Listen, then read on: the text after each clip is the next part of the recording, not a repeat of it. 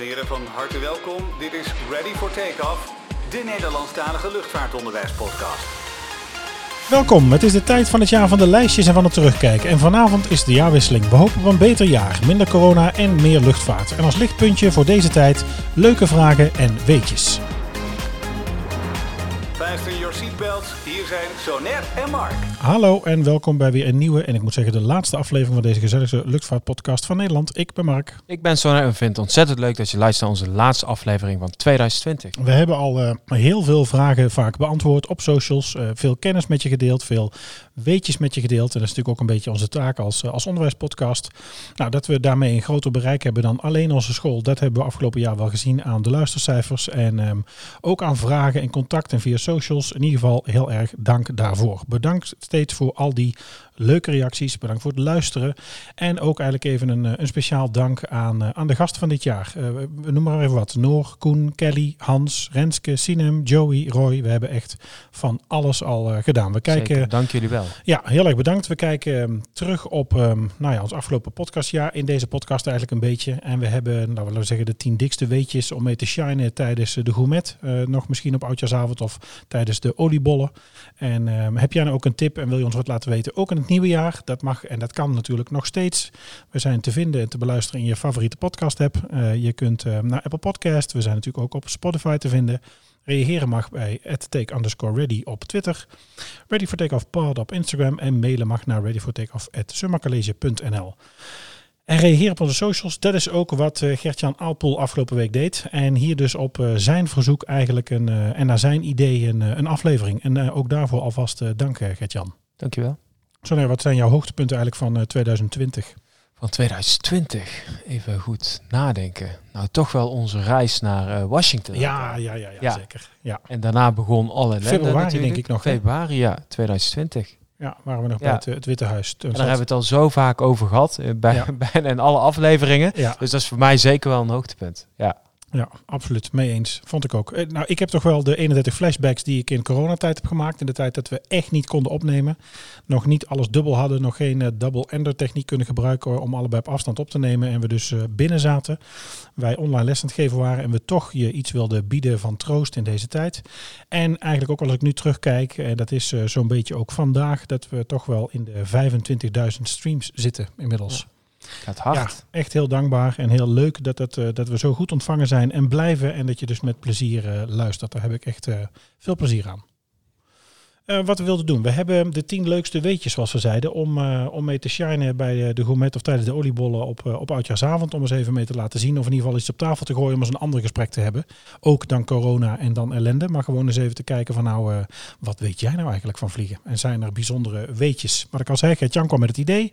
En ehm, nou ja, we hebben er dus tien voor je op een rij. Nee, je hebt de eerste. Ja, waarom zijn de meeste vliegtuigen wit? Nou, je krijgt ook even tijd thuis om erover na te denken. Waarom de meeste wit zijn. Diep, doep, diep, doep, diep, doep. Witte verf is echt lichter, is, is lichter in gewicht, kost dus minder brandstof. Ja, het vliegtuig is er dus lichter van. Hè? Niet qua Ja. kleur, maar qua gewicht. Qua gewicht inderdaad.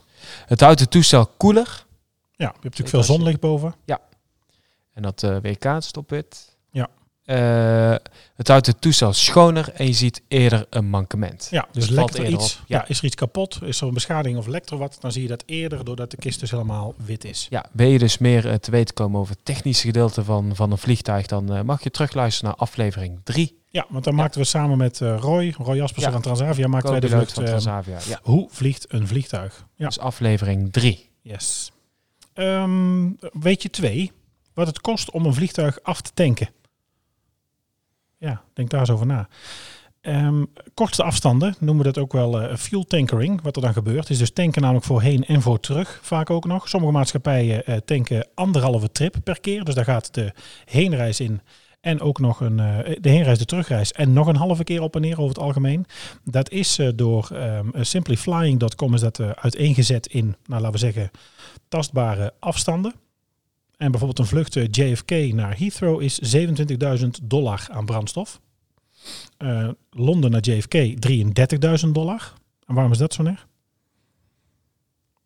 Die andere, nou vooral JFK Londen, waarom is die goedkoper?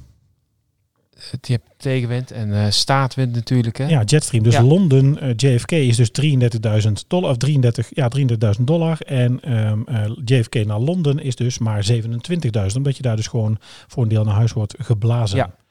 Nou, Je het hebt stukje, dus wind mee dan. Ja, in wind mee. Geval. Ja. het stukje Los Angeles Narita in Japan is 19.000 euro. En een vluchtje Miami naar Orlando is een, slechts een kleine 4.000 dollar. Dus dat is wat ongeveer een vliegtuig tanken kost. Nou, wil je nou meer weten over wie de vlucht betaalt? En dat is natuurlijk wat we nu ook een beetje doen, dat heb je wel in de gaten. Dan kun je aflevering 23 luisteren van afgelopen jaar. Waarom de first class verdwijnt en wie de vlucht betaalt. En daarin zetten wij verder uiteen hoe de ticketprijs is opgebouwd. En wie nou eigenlijk zorgt dat een luchtvaartmaatschappij winst maakt. Of in ieder geval break-even draait. Ja. Weet je twee. Aflevering 23. Nou, gaan we door naar weetje 3.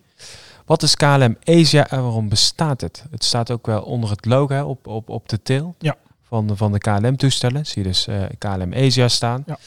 Eh, maatschappijen die naar het vasteland van China vliegen, mogen niet met dezelfde maatschappij en hetzelfde vliegtuig in Taiwan komen. Zoals eh, Swiss Air, Air France, Japan Air deden dit dus ook. In China ziet het dus als een provincie. Taiwan wil graag onafhankelijk zijn. Omdat Ja. Taipei een rendabele bestemming bleek te zijn, heeft dus bijvoorbeeld een maatschappij als KLM zich gevestigd in Taiwan als KLM Asia. Ja. Een andere eh, entiteit. Ja, heel slim dus. Ja. Het is dus een economisch en een politiek slimmigheidje. En de kisten die eh, op Taipei vliegen, worden wel eens voor andere landen ingezet, maar nooit naar China. Nee, die mogen daar niet komen. En wil je daar meer eh, te weten over komen, dan mag je naar onze KLM special luisteren. Aflevering 5. Ja, dat was Ja. natuurlijk ook van de afgelopen, nou niet het afgelopen podcastjaar misschien, want het was natuurlijk in het begin, eh, tijdens het 100 jaar bestaan van de KLM. We hebben daar een podcast gemaakt over de geschiedenis van de maatschappij, de oprichting, maar ook wel hoe je vluchtnummers kunt herkennen, de toestellen die ze hebben, de vloot, nou eigenlijk alles en ook eh, dit soort weetjes. Dus daar kun je in ieder geval eh, voor terug, zeg maar. Ehm, dan ehm, nou heb ik eigenlijk weetje, nou ja, laten we zeggen, welk weetje heb ik eigenlijk? Weetje nummer 4. Uh, weetje nummer 4. Ehm, kijk eens goed naar een A300. Vliegen er niet veel meer. Een A310. eh, Kijk eens naar een A310. A330 of een A340. Is het je wel eens opgevallen dat de, eigenlijk, nou ja, de, de, de ramen aan de achterkant een beetje omhoog gaan? De achterste ramen lopen licht omhoog. Je hebt daar, zoals dat heet, een, een upward sloping. En weet je waarom dat is? Weet jij waarom het is, hè? Wist jij het? Nee. Nou, het is dus maar 1%. Toch kun je het heel goed zien. Eh, hier kunnen dus in de hold meer, in de vrachtversie kunnen dus in de, in de cabine kan meer vracht mee. Ehm, er kunnen dus gewoon meer ULD, zoals dat heet, Unit Load Devices, kunnen onderin staan. Daarnaast is het ook wel eens opgevallen dat de meeste Airbussen kort en stijl take-off kunnen, zonder tailscrape. En je hebt dus ook minder drag met die kist. Dus het is dus echt gebouwd dat die de kont iets meer omhoog loopt. En dus die ramen dus 1% mee omhoog lopen. En je ziet ook dat de neus meer naar beneden loopt daardoor. Hè? Omdat dus de kont omhoog staat. Ja. Dat, dat merk je ook aan boord. Hè? Als je dan naar achteren loopt, dat je dan steeds verder omhoog moet ja, je bedoelt dat hij wat meer door zijn struts heen zakt, dat hij wat Ja. meer in de vering staat. Ja, en dan, wat dat hebben ze nu met die cargo kist gedaan. De A330 heeft ook nog een cargo variant. Mhm. Omdat die neus dus eh, te ver naar voren stond, hebben ze daar een, eh eh, een verhogingje onder gezet. Ja, en, of, Dat het- ja, je ziet ja, ook heel, om en dat is ook, dat, ja, ja, en het is dat ook heel grappig. nose heavy wordt volgens mij. Ja, en bij die, eh, bij die Beluga kun je ook zien dat dat ook duikt. En omdat hij natuurlijk aan de bovenkant open kan, daar zie je Ja. echt die cockpit een stuk zakken. Ja. Daar zijn ze echt op ontworpen. Maar hier is dus in ieder geval, de vloer loopt dus licht 1% omhoog, upwards sloping. Oh, En daardoor kunnen dus meer, eh, kan er meer vracht mee boven en beneden. Leuk weet je. Ja, Ook grappig hè? Geinig. Eh volgende, nummer 5. Nummer 5. Wat kost een vliegtuig slepen of pushen? Denk er even over na. Ongeveer 100 dollar per minuut. Eh, Gemiddeld gezien dus eh, wereldwijd. Rijden op een pushback truck komt dit jaar nog terug. Ja. We hebben met, met Dion afgesproken. Ja. Die komt hier als, als gast. Ja. Eh, maar we hebben wel al iemand gesproken, ook van, van de ground handling. Eh, Joey, die is... eh, die- Joey Dogger. Ja. ja. die doet dus ook eh de-icen. Dus mocht je meer te weten willen komen over de-icen, dan mag je naar aflevering 18 luisteren. Ice, ice baby. Ice Ice Baby. Weet je, 6. Kan een passagiersvliegtuig nog vliegen op één motor en hoe lang dan? Nou ja, daar hoeven we misschien niet- lang over na te laten denken. Jazeker, dat kan. Antwoord namelijk hierop in de luchtvaart is eh, het ETOPS systeem. Het Extended Range Twin Engine Operational Performance Standards Systeem. ETOPS. Voorbeeld, een eh, 787 uitgerust met eh, ETOPS 330. Zoals dat dan heet. Die kist kan dus nog 330 minuten meer vliegen. Of meer vliegen, eh, vliegen op één motor naar het dichtstbijzijnde vliegveld. En dat is dus ongeveer een 5,5 uur. In vergelijk, een eh, 767 heeft drie uur respijt om bij een vliegveld te komen. En de, eh, de allernieuwste Airbus, de A350, heeft een EASA ETOPS certificering van 370 minuten. Kan dus bijna 6 uur vliegen op één motor. Nou, het ligt dus in de lijn de verwachting dat maatschappijen met hun nieuwe A320 Neo, en daar komt hij, als het allemaal goed blijft gaan, de 737 MAX, in de nabije toekomst met ITOPS ook dus de Atlantische Oceaan kunnen oversteken. Ze hebben namelijk allemaal een ITOPS-certificering van 180 minuten. Uh, technisch gezien zou WIS dus uh, met hun nieuwe Airbussen naar Amerika kunnen vanuit Eindhoven. Uh, het is in ieder geval het systeem dat dus bepaalt dat je op één motor dat vliegtuig zo af te stellen en te trimmen is dat je er nog een uur of zes, vijf tot zes dus mee kunt vliegen. Dus eigenlijk als je kijkt naar de aflevering van vorige week ditching, hoe vaak komt dat voor? Nou, die kans wordt dus ook alleen maar kleiner. Ja. En doordat je dus ook nog zes uur de tijd hebt om ergens te komen, gebeurt dat niet gauw. Wil je meer weten, nogmaals, over uh, de techniek van het vliegen en eventueel um, hoe dus uh, vliegers uh, bijvoorbeeld bepaalde procedures trainen of dat soort dingen weten, dan kun je naar aflevering 3 en of 4 luisteren. We hebben een aflevering gemaakt hoe vliegt een vliegtuig en we hebben een interview gedaan met een piloot over zijn training en opleiding. Ople aflevering 3 en 4. Nou, weetje nummer 7. Oh, deze is leuk. Wat heeft meer geheugen, een vliegtuig of je telefoon? Diep, doep, diep, doep. Geheugen van de FMC, Flight Management Computer, is minder dan van je iPhone. Ja. Zou je niet zeggen? De output is natuurlijk de display unit of de uh, FMS, dat is dus het Flight Management uh, System. Ja, Deze schermen. Ja, deze computers werden als eerste op de 767 toegepast. Maar waar de wereld zich ontwikkelde van een eerste computer thuis naar een smartphone in je hand, bleef de luchtvaart hangen in de Dark Ages. Ja. Het origineel ontwerp. Uh, zo had de 737-300 bij het uitrollen van hangar slechts 200 KB geheugen. En de 737 Next KB, hè? Hallo. Ja. Kilobyte. KB echt heel weinig. Ja. Uh, de 737 Next Generation heeft ook nog maar 16 MB geheugen. Ook niet veel. Is ook niet veel. De 747 800 of Dash 8 heeft 100 mega of MB uh, FMS geheugen. Ja, dat was het eigenlijk. Ja, het 100 dus MB, geen... maar als je gaat vergelijken met een iPhone, een iPhone heeft niks. volgens mij is de minimale opslag wat je nu kan uh, kopen is 64 gigabyte. Ja. Ja, En dan heb je kijk, daar nog over MB, 16 natuurlijk MB voor een 737. Ja, en dit is dan natuurlijk de opslag in eh, het flight management system. We hebben het natuurlijk niet over het werkgeheugen die natuurlijk de computers kunnen leveren, hè, Nee, wat natuurlijk nee. eh, overal mee gemoeid is. Dit gaat echt over pure opslag. opslag. Ja. Eh, mocht je meer te willen weten komen over opslag, we hebben het over de Black Box gehad. Ja. Aflevering 40, Orange is the New Black. Ja. Dus mocht je daarna willen luisteren. Aflevering over Aflevering de cockpit voice recorder en de flight eh, data recorder, waar dus ook weer iets wordt opgeslagen. Ja. Eh, dan kwam ik achter dit weetje. Weet je nummer 8, wist je dat een Boeing 757, en we hebben daar een special over gemaakt, aflevering 26, de special over de 757 of die terug zou komen. Ehm, een 757 kan geen fuel dumpen. Wist je dat? De? 757 kan geen fuel dumpen.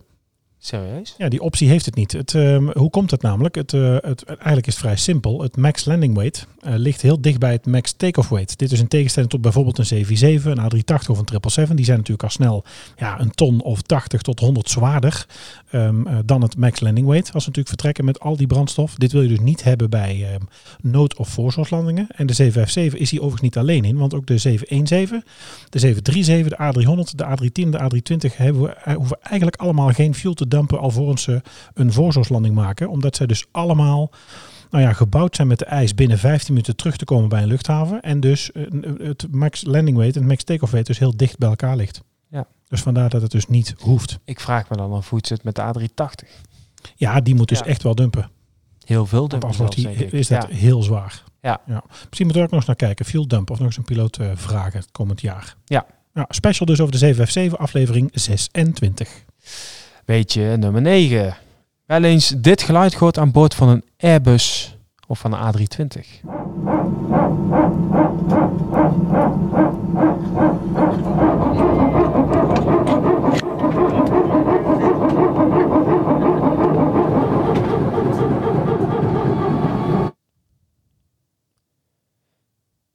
Nou, je zou zeggen dat het een avi is, hè? een animal in hold.